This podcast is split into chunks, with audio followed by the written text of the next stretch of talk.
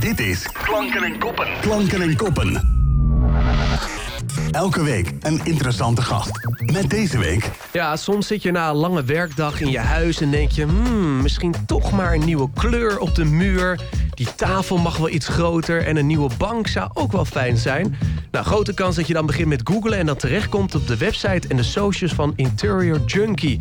Online interieurondernemer en in Haarlem wonende Elisa Jacobs. Welkom. Ja, welkom. Ik ben, leuk dat, ik ben blij dat ik hier ben. Ja, wat goed, Ja. eh, wat goed dat je er bent. Ben jij om de hoek? Dat is ook wel, eh, ook wel fijn. Ja, Dus je had de fiets. Ja, ging met de fiets, maar je had ook gewoon makkelijk kunnen lopen. Ze gaf je aan. Rollend naar huis straks. Hey, meer dan 100.000 bezoekers op jouw website. Bijna 80.000 volgers op Instagram. Je werkt met de grootste merken samen zoals Rituals, Swiss Sense, Philips, Karwei. Wat is denk jij de kracht van Interior Junkie?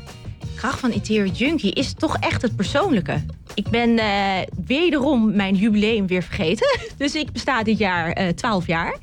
Eh, het is destijds begonnen omdat ik heel erg van wonen hield. Of nog steeds. En alle, schreef over alles wat met interieur te maken had. Alleen nergens een blog kon vinden met een gezicht erachter. Nee. Ik zag dus heel veel leuke interieurblogs, maar niet degene die het schreef. En ik had zoiets van, nou, ik wil gewoon weten, degene die daar woont. En toen dacht ik, hé, hey, misschien ga ik mijn eigen blog beginnen. Ja, En eh, op die nieuwe bank van mij, ik zet mezelf gewoon op de foto. en laten weten van ik ben dus interior junkie. En dat was eigenlijk een gouden zet. Want merken willen zich graag koppelen aan een gezicht. ja slim.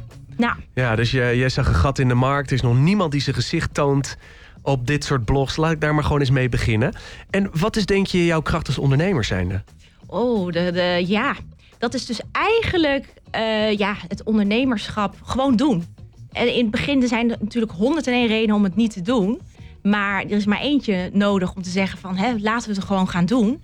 Eh volhardendheid en een passie hebben. Want ik geloofde er vanaf dag één er al echt in. Eh, het was net het jaar dat ik eh, al mijn eh, fulltime banen had opgezegd. En ik dacht van ik ga gewoon voor mezelf beginnen. Ik ga freelancen.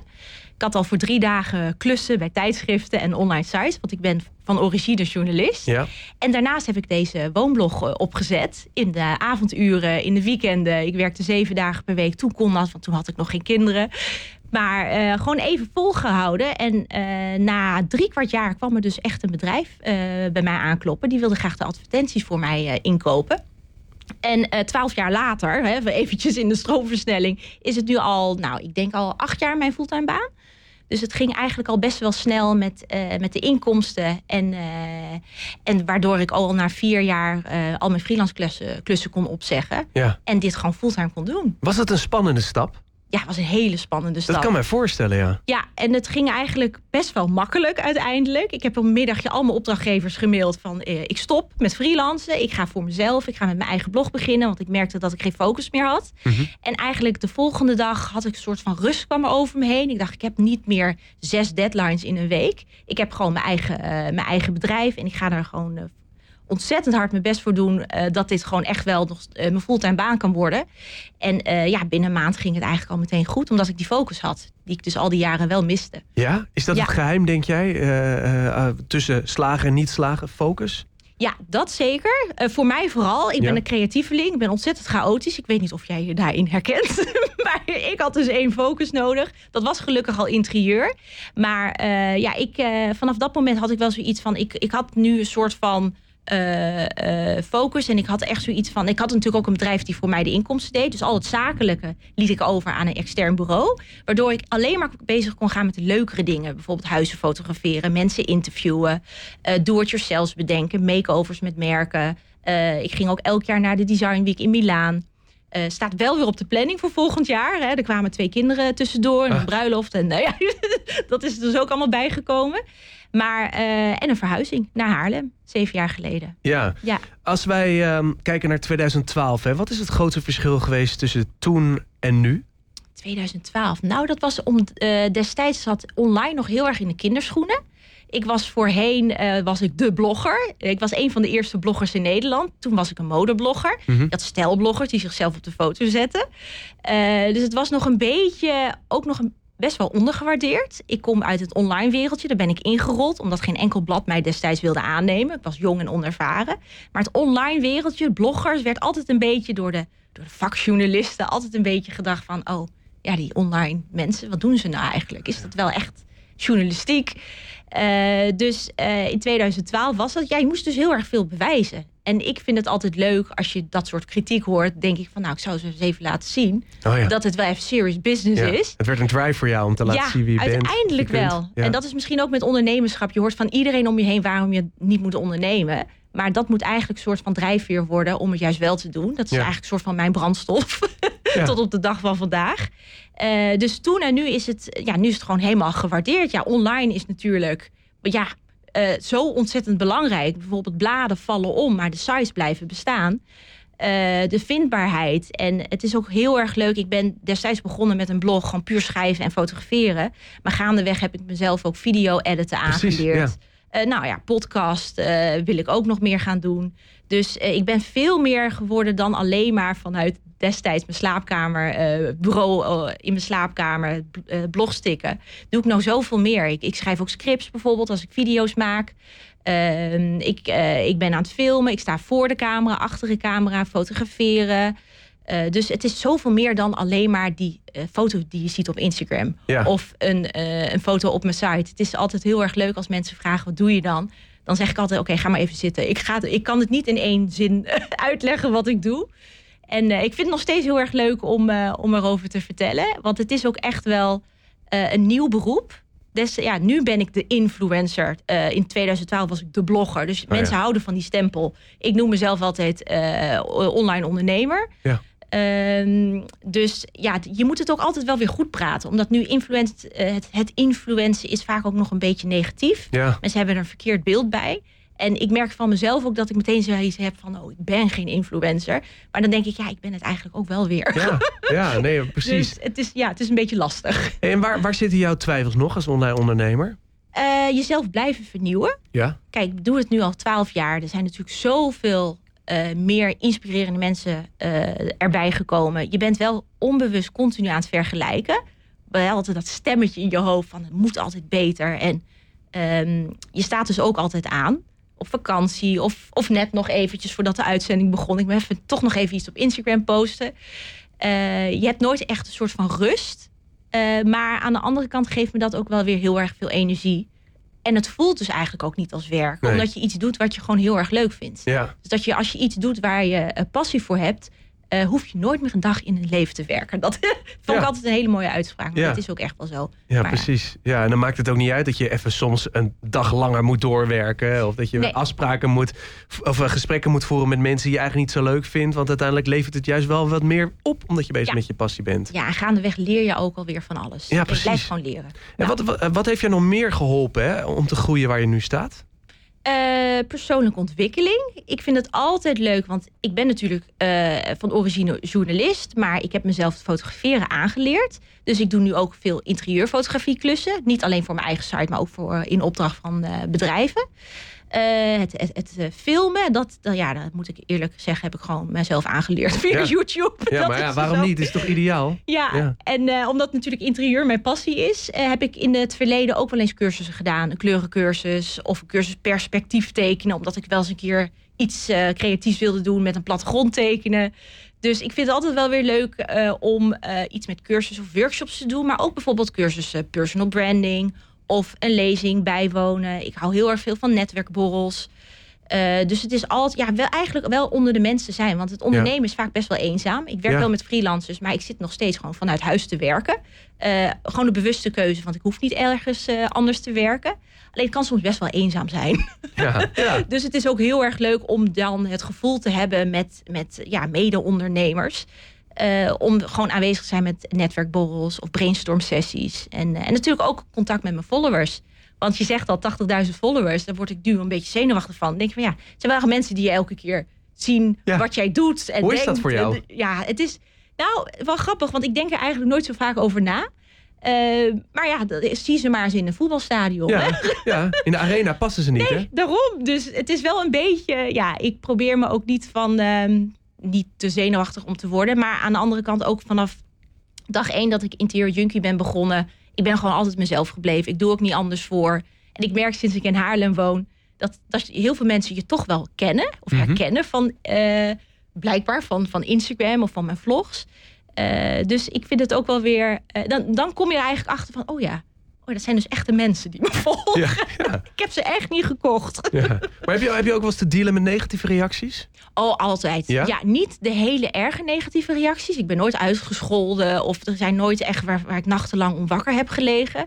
Maar tuurlijk, mensen eh, die volgden mij. Ja, in het begin was ik gewoon een, blogger die begon vanuit een slaapkamerraam. Of eh, een slaapkamer. Ja. eh, en eh, toen was het nog allemaal een beetje onschuldig. Werkte ik nog niet met heel veel grote merken. En gaandeweg word je wel steeds commerciëler. Dat Ja. is ook logisch. Is natuurlijk mijn fulltime baan. Ja, je wil ik altijd, ik doe niks logisch. anders dan een woonblad met advertenties. Ik doe het op mijn manier. En dan krijg je soms wel reacties van... oh, wat word je commercieel? Of, Oh, ja. Ik ga je ontvolgen. Maar ja, het is... En daar, ja, daar reageer ik ook altijd netjes op. Van, hè, dit is mijn werk en dan moet ik het wel weer voor de honderdste keer uitleggen. En hebben ze 9 van de 10 keer hebben ze er wel eh, ja. begrip voor.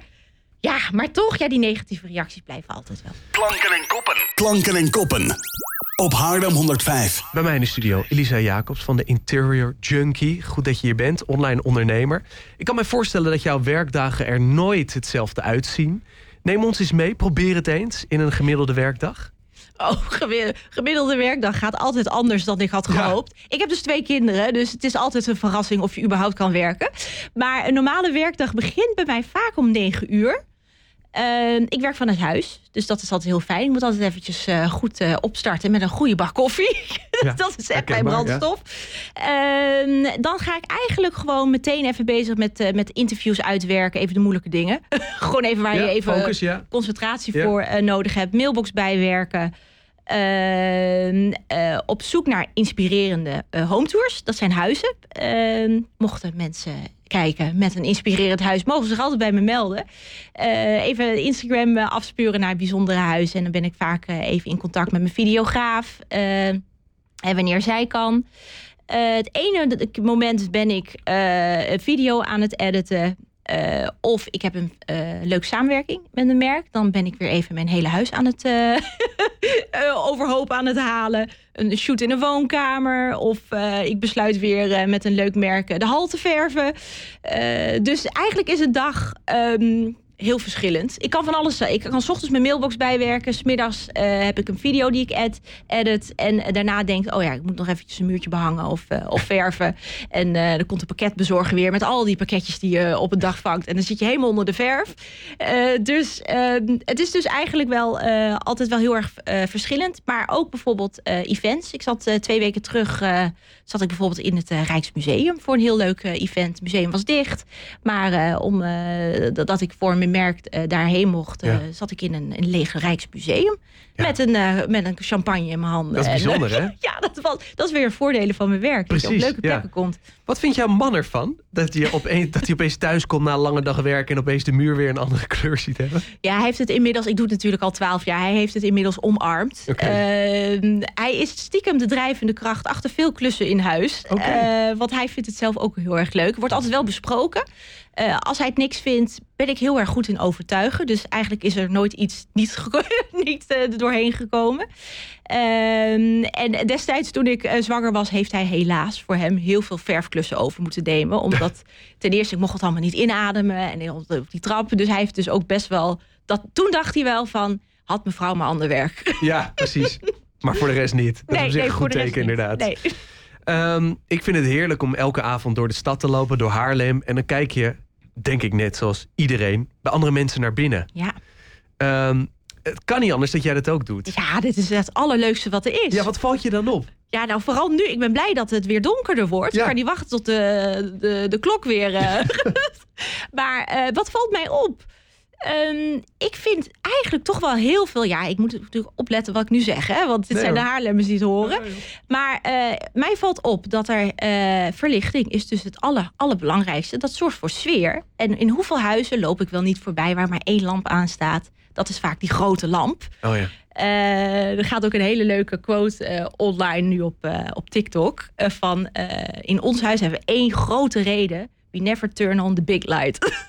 en dat is dus de basisverlichting, de grote Ja, verlichting. dat is hier slecht eh, geregeld, hè? ja, ik zeg altijd, een, een woonkamer heeft minstens acht lampen nodig. Acht tot tien lampen. Oh ja. Dus eh, heb jij acht tot tien lampen in je woonkamer? Misschien ga je straks even tellen thuis. Eh, Dat zou best kunnen. Maar wa- wat wij hebben, dat is eh, dimbare lampen. Oh, Dus ja. s s'avonds zetten wij hem lager. enerzijds omdat fel licht niet goed voor je is als je Nee. gaat slapen. Maar ook gewoon voor sfeer. Het is natuurlijk veel Oh. fijner om in een ja, warmer licht te zitten. Trots op je, Rudy. Ah, ja. Kijk, dit komt op mijn cv, dat snap je. Nee, maar uiteindelijk verlichting. En eh, dat is dus echt het allerbelangrijkste. En je ziet ook meteen bij huis dat je denkt... oh, dit is veel te blauw licht. Zorg voor een beetje warm licht. Eh, maar 9 van de 10 keer hier in de buurt, eh, in de Garenskoken kwartier... zijn er hartstikke leuke interieurs. En, ik, ja, ik kan niet wachten. Ik ben nu op Ja. de fiets. Maar ik ga denk ik straks met de fiets aan de hand... weer even langs al die huizen. Ja, precies, ik snap het. En als mensen ehm, zoekende zijn, hè, als het gaat om een nieuw interieur... en dit kan een brede vraag zijn, maar misschien kan je ze toch een klein handje helpen. Hoe kunnen ze een stijl vinden die bij hun past? Waar ze zich prettig in voelen? Nou, het begint altijd met het maken van een moodboard. En daar hoef je echt niet alle tijdschriften voor uit de winkels te halen. Je kan bijvoorbeeld ook op Pinterest online eh, pinnen, alles waar je blij van wordt. Eh, dat is eigenlijk, eh, ik, geef dus ook, ik heb dus ook een online interieurstyling cursus ontwikkeld. En de eerste stap dus naar het creëren van je droomhuis is het maken dus van een moodboard. Ja, dus eigenlijk ja. alles vinden waar je gewoon blij van wordt. Ehm, en je zult zien gaandeweg dat je een bepaalde stijl ziet, een bepaald kleurgebruik. Je, ik kan me niet voorstellen dat je tien compleet verschillende eh, beelden ziet. Dus dat is uiteindelijk de eerste stap. Om Ja. te kijken van wat. En vooral als je ook als je met iemand gaat samenwonen, doe het apart van elkaar. Oh ja, Dus dat is ook soms wel heel erg leuk wat daaruit komt. of spannend. Ja, Ja, ja. dat kan beide zijn. Eh, zoals je net al aangeeft, je woont al een aantal jaar in Haarlem. En jij, eh, jullie hebben je huis echt omgetoverd van bouwval tot, nou ik kan wel zeggen, droomhuis toch? Ja, ja. Eh, hoe, hoe heb je dit dan aangepakt? Ja, hoe hebben we dit aangepakt? Ja, dat, dat was echt toen we het kochten, dachten we van, nou, echt alles was wit. Natuurlijk wit en het was een beetje verouderd. Eh, dus ja, we hebben gewoon de hele eerste verdieping, de hele vloer eruit. Daar echt de minder sexy dingen, balken vervangen, Oh ja. een nieuwe een soort nog, nog net geen nieuwe fundering. En vervolgens alles wat eh, wit was qua muur en houtwerk hebben we in ja, nou we hebben wel vijf jaar over gedaan hoor. Het is nog steeds niet af. Ik woon al bijna zeven en een half jaar Oh, alles een likje verf en behang. En ik dacht van, eh, ik ga helemaal los. Ons vorige huis was niks geverfd. Ik had geen printjes, helemaal niks. En ik dacht, nou, dit huis eh, moet gewoon anders. Dus eh, ik heb alles uit de kast getrokken. En het is nog steeds een huis waarvan mensen denken... wow, oh, mensen blijven dus overal wel kijken. Oh, eh, flamingo's in het toilet. Je hebt trappenkleding met print. De plafonds zijn ook meegeverfd. En... ik heb spijkerstof behang, denimbehang, wat waarop geborduurd is bijvoorbeeld. En, en, en eh, lampen die geïnspireerd zijn op, eh, op bellenblazen. Dus het is wel, je, je raakt nooit verveeld als je bij ons eh, thuis bent. Nee, precies. En zou het ook zomaar kunnen zijn dat het over een jaar weer totaal anders is? Of heb je, heb je inmiddels wel een vaste stijl? Ja, gevonden. nou ja, ik krijg dus wel heel vaak de vraag: ja, je huis is op een gegeven moment af. En dan denk ik van ja, ik vind het wel heel jammer, maar ik, ik, ik hou van dit huis. Ik zou niet zomaar willen verhuizen, maar ik zou het wel graag weer een keertje alles, alles wit willen verven en dan weer opnieuw beginnen. ja. Maar misschien ga ik dat ook nog wel eens een keertje doen. Maar eh, voor nu is het gewoon eh soort van af. Maar we hebben nog wel bijvoorbeeld een badkamer boven helemaal op zolder. Die eh, helemaal van ellende uit elkaar valt. Die, zie, die deel ik ook nooit online. Die zou ik graag nog wel willen aanpakken. Oké, oké, oké. Tot slot, wat zou je nog heel graag willen maken? Wat ik heel graag zou willen maken. Ja. Voor in mijn huis? Nee, Op- gewoon als, als online ondernemer, als, als, als maker. Oh, nou, ik zou heel graag podcasts willen maken. Ja, dat staat nog steeds op de planning. Ik heb de microfoons in huis op zolder. Ik heb al tutorials gekeken. Maar elke keer denk ik, waar moet ik eh, de tijd vandaan halen? Dus eh, dat staat nog wel op mijn bucketlist. En nou ik het heb gezegd in deze uitzending... moet, Moet ik het, misschien wel uit, afvinken binnenkort. Ja, ja, daar ben ik helemaal met je eens. En waar hoop je over vijf jaar te staan als ondernemer? oh, over vijf jaar... Ik hoop dat ik nog steeds eh, mag doen wat ik nu nog steeds doe. Content maken in de vorm van video's, fotografie, podcast. Eh, en ik zou ook wel wat meer interieuradviezen willen geven. Dat eh, is denk ik de volgende stap.